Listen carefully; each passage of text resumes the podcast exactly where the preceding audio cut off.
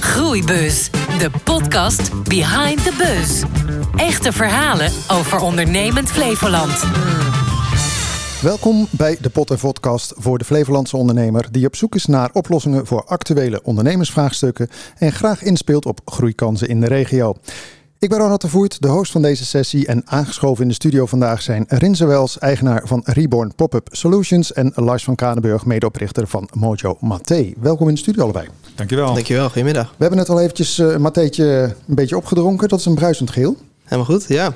Ja, wat vond jij ervan, Lars? Lekker. Ja, oh, meteen vriendjes in de studio. Dat scheelt altijd hè, voor het gesprek alweer. we beginnen het programma altijd even met uh, wat jullie is opgevallen bijgebleven op het gebied van uh, ondernemerschap in de afgelopen periode. Rinzen. Ja, als ik over de afgelopen periode kijk, ik zie uh, met name de maatschappij veranderd. Het is veel complexer en dynamischer geworden. En dat vraagt natuurlijk ook een andere manier van ondernemerschap. En dus hier heb ik wel een verandering in gezien. En vind ik een mooie verandering van ja, wat eh, minder competitief, ik gericht, mijn bedrijf, naar meer relatiegericht van hoe gaan we samen iets oplossen. Je hebt allemaal hele complexe zaken, transities. Ja, dat vraagt een andere manier van ondernemen. Dat vind ik interessant. Maar dat is meer een soort purpose, bedoel je dan? Ja, ook purpose, maar ook dat het complexer wordt. Dat je met één bedrijf, zeg maar, niet meer de optimale oplossing kunt bieden. Dat je dus ja, meerdere specialisten van verschillende bedrijven nodig hebt. En dan komt het aan op uh, teamwork, dat je de beste teams kunt samenstellen. En dan komt het weer aan op uh, relaties en vaak purpose, want anders uh, valt het ook weer uit elkaar. Maar als je dat even vertaalt naar je eigen business, hè, want je mm Pop-Up Solutions of hè, Reborn Pop-Up Solutions, jullie zitten eigenlijk in een soort van tijdelijke accommodaties. Ja, dat klopt. Maar dat gaat van tenten tot huisvesting, zag ja, ik. Ja. Wat doen jullie daar dan in? Gaan je ook allemaal partners zoeken? Ja, ja, want wij, uh, wij zijn gezegend met heel veel ideeën. Dus wij krijgen heel veel ideeën voor producten en die uh, willen we graag ontwikkelen.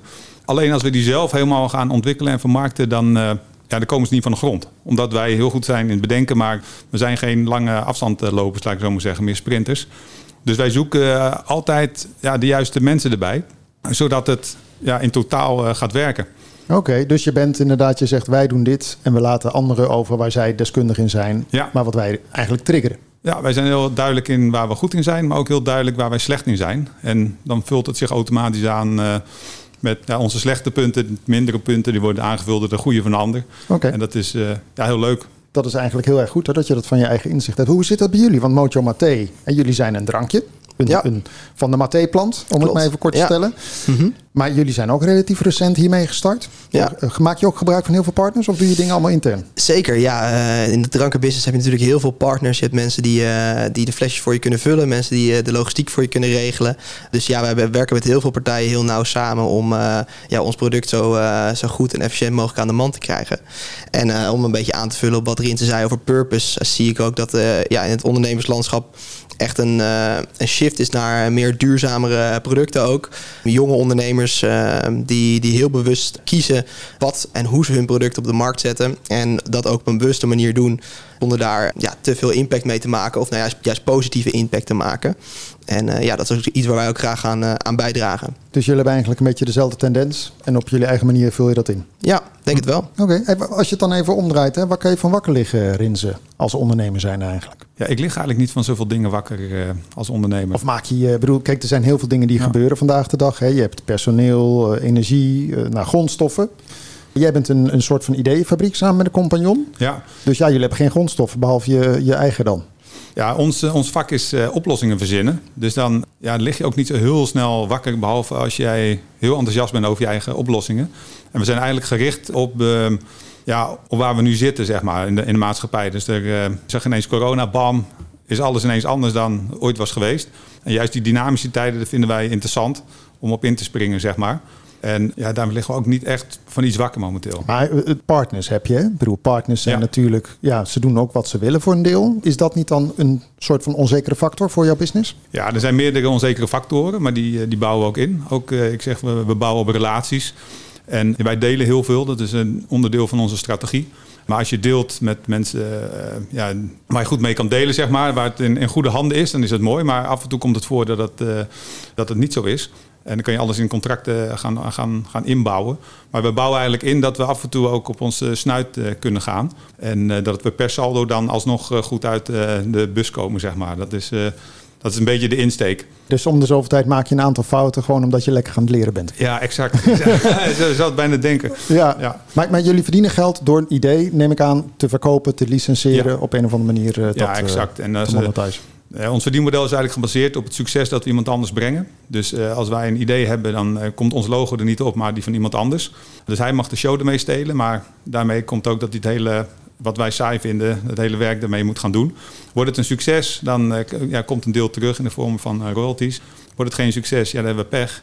En ja, dat we beter ons best moeten doen misschien. Maar je bent wel afhankelijk ook van die ander. En dus wat je zegt, zijn onzekerheden. Dus het kan ook zo zijn eh, ja, dat iemand ineens gaat emigreren. En, of dat er iets gebeurt dat hij een ander plan heeft. Ja, dus dan heb je wat meerdere paarden nodig om op te wedden. Oké, maar goed, dat is eigenlijk als je even kijkt bij jou, eh, Lars. Hè, want jullie zitten in de frisdrank, mag ik zeggen zo. Hè? Ja.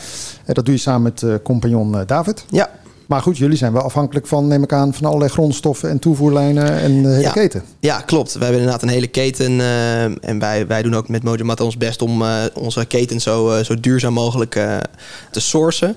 Maar ja, wij, wij hebben af en toe wel eens inderdaad dat er problemen zijn dat de dingen niet aangeleverd kunnen worden. Ehm, Want waar, waar komt jullie ingrediënt vandaan? Dat klinkt erg zuidelijk ergens. Ja, ja onze, onze hoofdverstand komt uit Brazilië. We werken samen met een biologische plantage in Brazilië. Waar onze matte eh, op een fair trade manier wordt verbouwd. Maar goed, dat moet natuurlijk wel eh, per schip eh, hier, hierheen komen. En dat duurt soms erg lang. En er kunnen ook wel eens wat dingetjes mee misgaan. Dus dat zijn wel eens dingen waar we, waar we van wakker kunnen liggen. Maar over het algemeen hebben we ja, hele goede partners waar we mee werken. die dat over het algemeen heel goed, goed regelen. Maar jullie zijn in maart 2022 begonnen. Ja. Hè, dat is een, een midden-corona-periode, Ja, dat is net zeggen. voorbij, zeg maar. Ja. Maar, maar, maar dan zit je toch nog steeds met die hele supply chain? Of, eh, en je hebt toch glas waar het in zit? Klopt, ja. ja. Is dat allemaal weer hersteld? Redelijk, ja. Ik kreeg natuurlijk na corona kwam de Oekraïne-crisis natuurlijk eh, achteraan. Waardoor ook de prijzen van het glas en zo enorm eh, gestegen zijn. Dus wat dat betreft hebben we een hele lastige tijd gekozen om, eh, om te kiezen.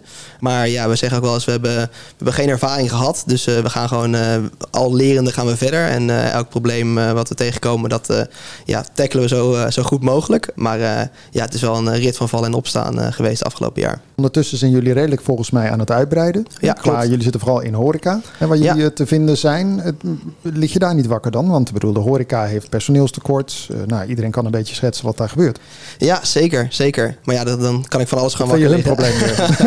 Nee, maar dat zijn inderdaad zeker dingen waar we rekening mee moeten houden. Ehm, prijzen ook die omhoog gaan voor de, voor de consument in de horeca, waardoor het ook allemaal steeds duurder wordt natuurlijk. Eh, ja, zorgt misschien ook voor dat consumenten misschien minder vaak naar de horeca gaan. En je bent een nieuw drankje. Hè? Ik bedoel, als je Ja. moet wedijveren met de bekende merken, Klopt, dan moet je toch nog even een positie veroveren. klopt, ja. Ja. Ga, je dan eh, bijvoorbeeld nog bij een of andere ondernemer of mentor waarvan je zegt van goh, eh, help me eens even, hoe moet ik dit doen? Want jullie zijn allebei relatief jonge honden, om het zo maar te zeggen, in het vakgebied. Ja, en jij, jij bouwt de fouten in. eh, jij komt ze vanzelf tegen, zal ik maar zeggen. Ja. Doe je dat?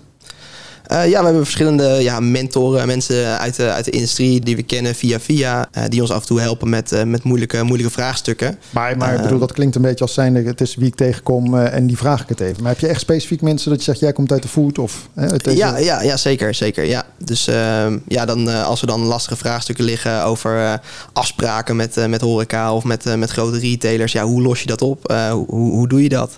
En daar, daar kunnen we zeker goed mee sparren met een aantal mensen binnen ons netwerk. Ja. Als je even bij jullie kijkt, Rinse, hè, want je zegt al, wij zijn eigenlijk een soort denktank, hè, conceptueel. Je hebt ook een industrieel eh, designing eh, verleden, hè, opleiding. Ja.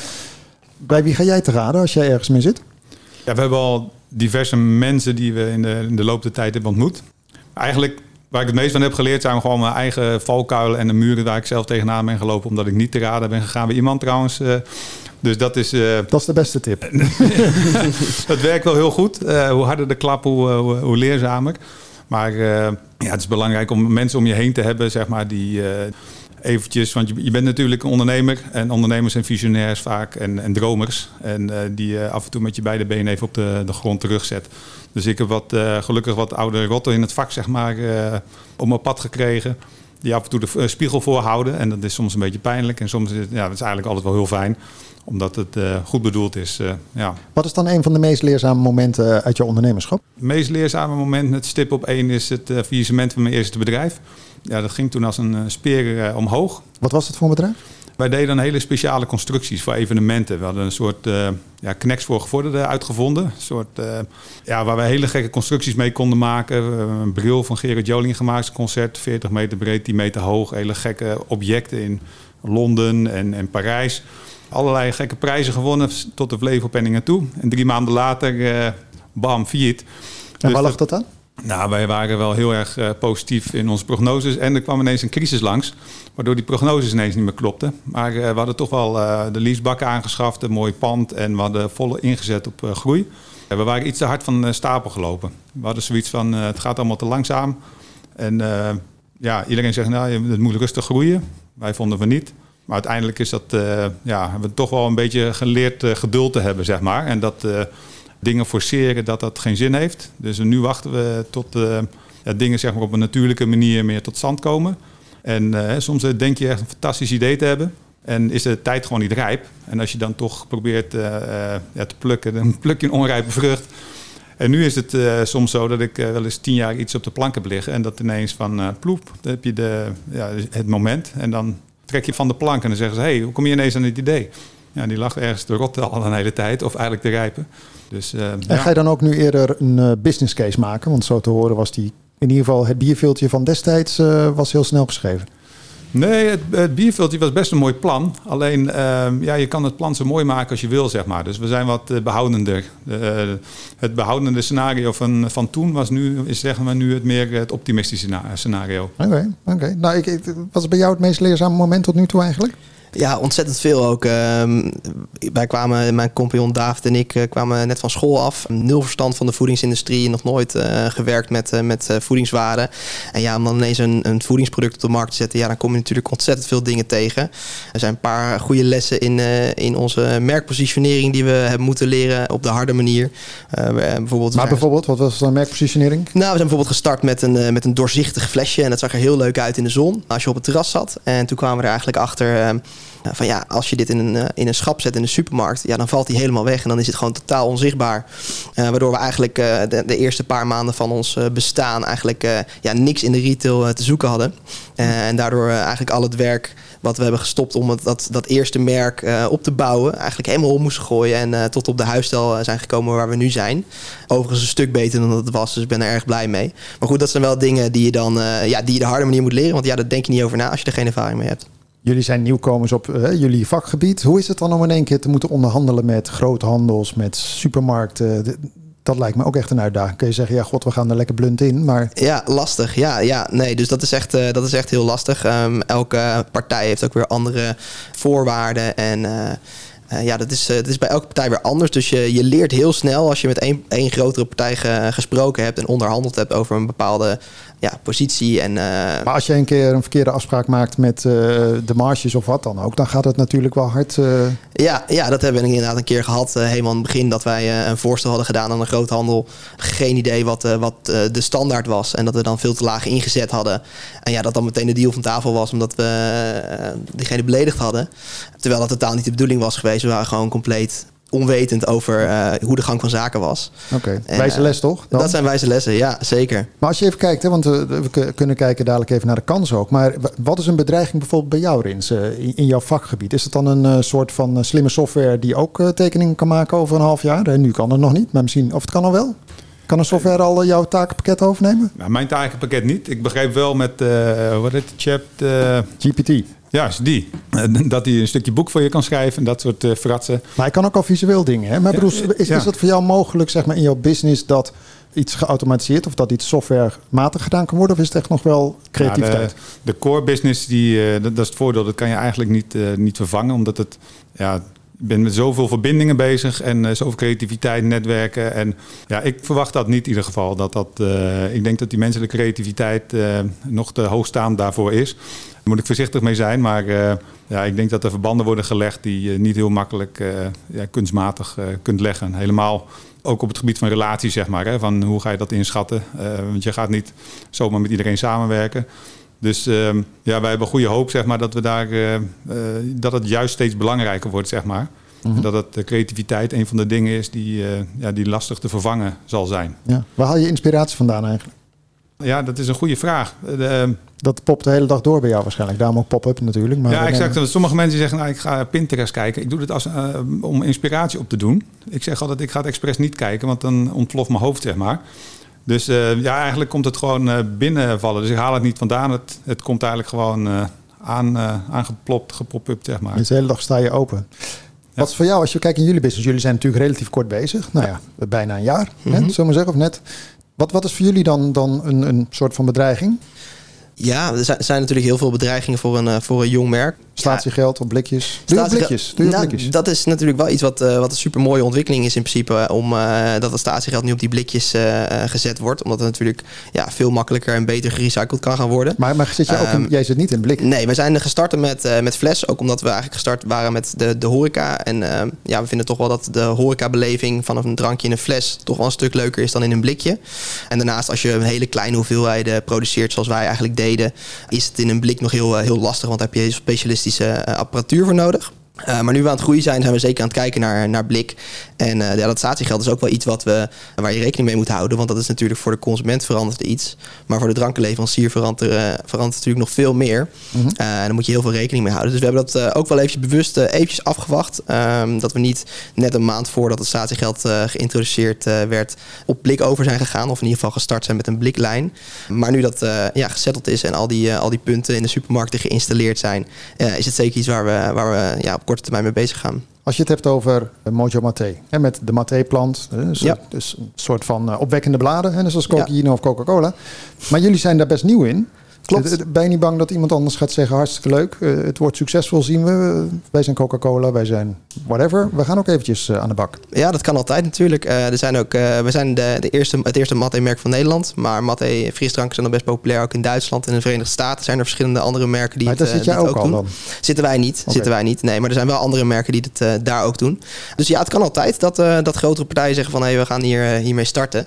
En ja, dan is het aan ons de, de taak om ja, het leuker en, en lekkerder te zijn als merk en de consument van te overtuigen om ons te kopen. Oké, okay. en jij hebt ze allemaal lopen proeven en jullie smaken weer anders dan de anderen? Ja, ja we hebben, uh, we hebben een uh, wat zachtere, zachtere smaakbeleving. Dus, en qua merk zijn we ook totaal anders dan wat er op de markt okay. is momenteel. Ja, want je hebt twee, twee soorten, heb je, de original ja. en, de, en de pasvrucht. Klopt. Ga je lekker uitbreiden nog, assortiment?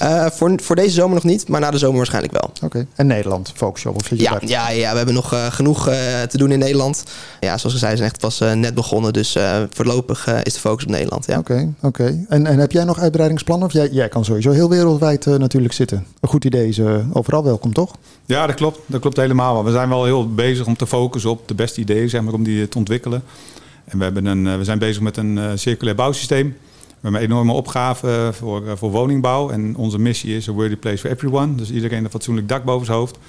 En uh, daar zetten we vol, uh, volop in, zeg maar, om die verder te ontwikkelen met de partners samen. Zodat uh, mensen die een dak boven hun hoofd nodig hebben, ook zelf een huis kunnen gaan bouwen, zeg maar. Maar dus je hebt dan in één keer best veel baat bij bijvoorbeeld, nou, hoe, vervelend ook, een ramp waar in één keer huisvesting nodig is, lijkt mij. Ja, toch? Ja, dat, dat klopt, klinkt gek, maar bedoel voor elke... Ja, ja, daar zijn we eigenlijk ook op gericht. Ja, dat klinkt misschien een beetje gek, maar uh, ja, als ik de maatschappij een beetje volg, ik zie wat, uh, wat lijnen, dan verwacht ik niet dat het er heel veel rustiger op wordt, op z'n zacht gezegd. En uh, daar is ons bedrijf ook op gericht en uh, onze partners ook. Een van onze partners komt bijvoorbeeld uit Turkije, er is net een grote ramp gebeurd. En die moet ineens 15.000 container units voor huisvesting gaan bouwen, zeg maar. Dus elke keer als de pleuris uitbreekt, om zo maar te zeggen, ja, staat bij hun de telefoon rood gloeiend. En ja, ons bedrijf is er eigenlijk ook op gericht. Oké, okay, dus ja, dat is uh, zo, toch zoals het gaat, zullen we maar zeggen. Dan, uh, ja. Het is wel een soort uh, van makkelijk IKEA-Lego-dingetje wat iedereen kan bouwen. Of heb je ja, dat is exact spijker op de kop. Ja, oké. Okay. Alleen okay, dan, nee, jij hebt geen spijkers. Jij doet geen spijkers. Toch? Geen spijkers. okay. hey, wat ik even wil weten, om even bij jou, Lars, stel je voor, je bent één dag de baas van ondernemend Flevoland. Wat zou je veranderen? Poeh, lastig. Vast iets waar je nu al denkt, joh, kan dat niet anders? Ja, we zijn natuurlijk niet zo lang ondernemers. Dus er zijn niet echt heel veel dingen waar wij nu echt ja, vol tegenaan lopen. Ja, we merken dat het wel fijn is dat er vanuit de, de provincie ook uh, ja, bepaalde programma's zijn. Ehm, we zijn bijvoorbeeld onderdeel geweest van een, uh, van een pioniersprogramma voor voedselondernemers in Almere. Waar ondernemers vanuit heel Flevoland samenkwamen om ja, dingen over voeding te bespreken. En te kijken hoe je, hoe je verder kan komen. En ja, om die hele bewuste voedseltransitie op gang te brengen. Dus dat is een heel tof initiatief. En ik denk dat dat soort, dat soort dingen misschien nog wel veel meer door de gemeente ook en door de provincie gestimuleerd kunnen worden. Om ja, ondernemers samen te brengen en te kijken hoe, ja, hoe je samen als ondernemers ja, meer impact, impact kunt maken. Wat zou jij uh, aanpakken, Rinze? Ja, ik zal niet iets direct aanpakken, denk ik. Want ik heb niet iets van, uh, denk dat gaat helemaal mis. Maar ja, waar, wat, waar we mee begonnen, dat, dat purpose, zeg maar. dat, dat zou ik meer onder de aandacht brengen. Meer sessies met, met z'n allen even uit de hokjes. In een andere omgeving, voet in de klei van waar ben je mee bezig? En vooral waarom? Dat, daar zou ik ook ja, aandacht aan besteden. En we hebben het over allerlei transities tegenwoordig. Eh, ik kan ze niet meer op één hand tellen. Maar eh, ik zou aansturen op een cultuurtransitie dat er eh, op een meer niet-ik-gerichte manier wordt, wordt gewerkt, zeg maar. En meer vertrouwen, relaties en dat soort zaken. En dan komt innovatie en de andere transities komen gewoon vanzelf. Oké, dan ook even tot slot willen we altijd afsluiten met een aantal praktische tips of ondernemerslessen. Is dat hem? Ja, Oké. ja denk aan de, aan de cultuur, aan de why. Waarom, waarom doe je iets? En uh, als die waarom uh, goed is en de, de cultuur, de, de grond om samen te werken, dan, uh, dan komt de rest wel vanzelf. Bij jou, Lars, wat is jouw ondernemersles tip? Ondernemersles. Um, je hebt er zoveel, denk ik, ondertussen. Was het maar zo'n feest. Ik moet maar een boek moeten schrijven, denk ja. ik. Uh, nee, wat, ik vaak wel. Um, we waren laatst ook met wat andere jonge ondernemers in gesprek. En wat wij vaak zeggen is van. Uh, hoe wij ondernemers tot nu toe hebben ervaren. Is dat ondernemen heel hard werken is. En dat het ook vooral niet stilzitten is. Um, als je iemand benadert, uh, niet, niet vergeten om altijd achterna te bellen. Niet verwachten dat dingen zomaar vanzelf komen. En ja, gewoon blijven gaan voor, voor je doel. En dan ja, kom je er uiteindelijk wel. Oké, hartelijk dank uh, Rinse Wels, eigenaar van Reborn Pop-Up Solutions. En uh, Lars van Kranenburg, medeoprichter van Mojo Panté. Allebei uh, onwijs veel succes. Dankjewel. Dankjewel. En we houden vinger aan de pols. Jij bedankt voor het kijken naar deze aflevering van Groeibus. Mocht je meer willen weten, kijk dan even op de site van Horizon Flevoland. En graag tot de volgende keer.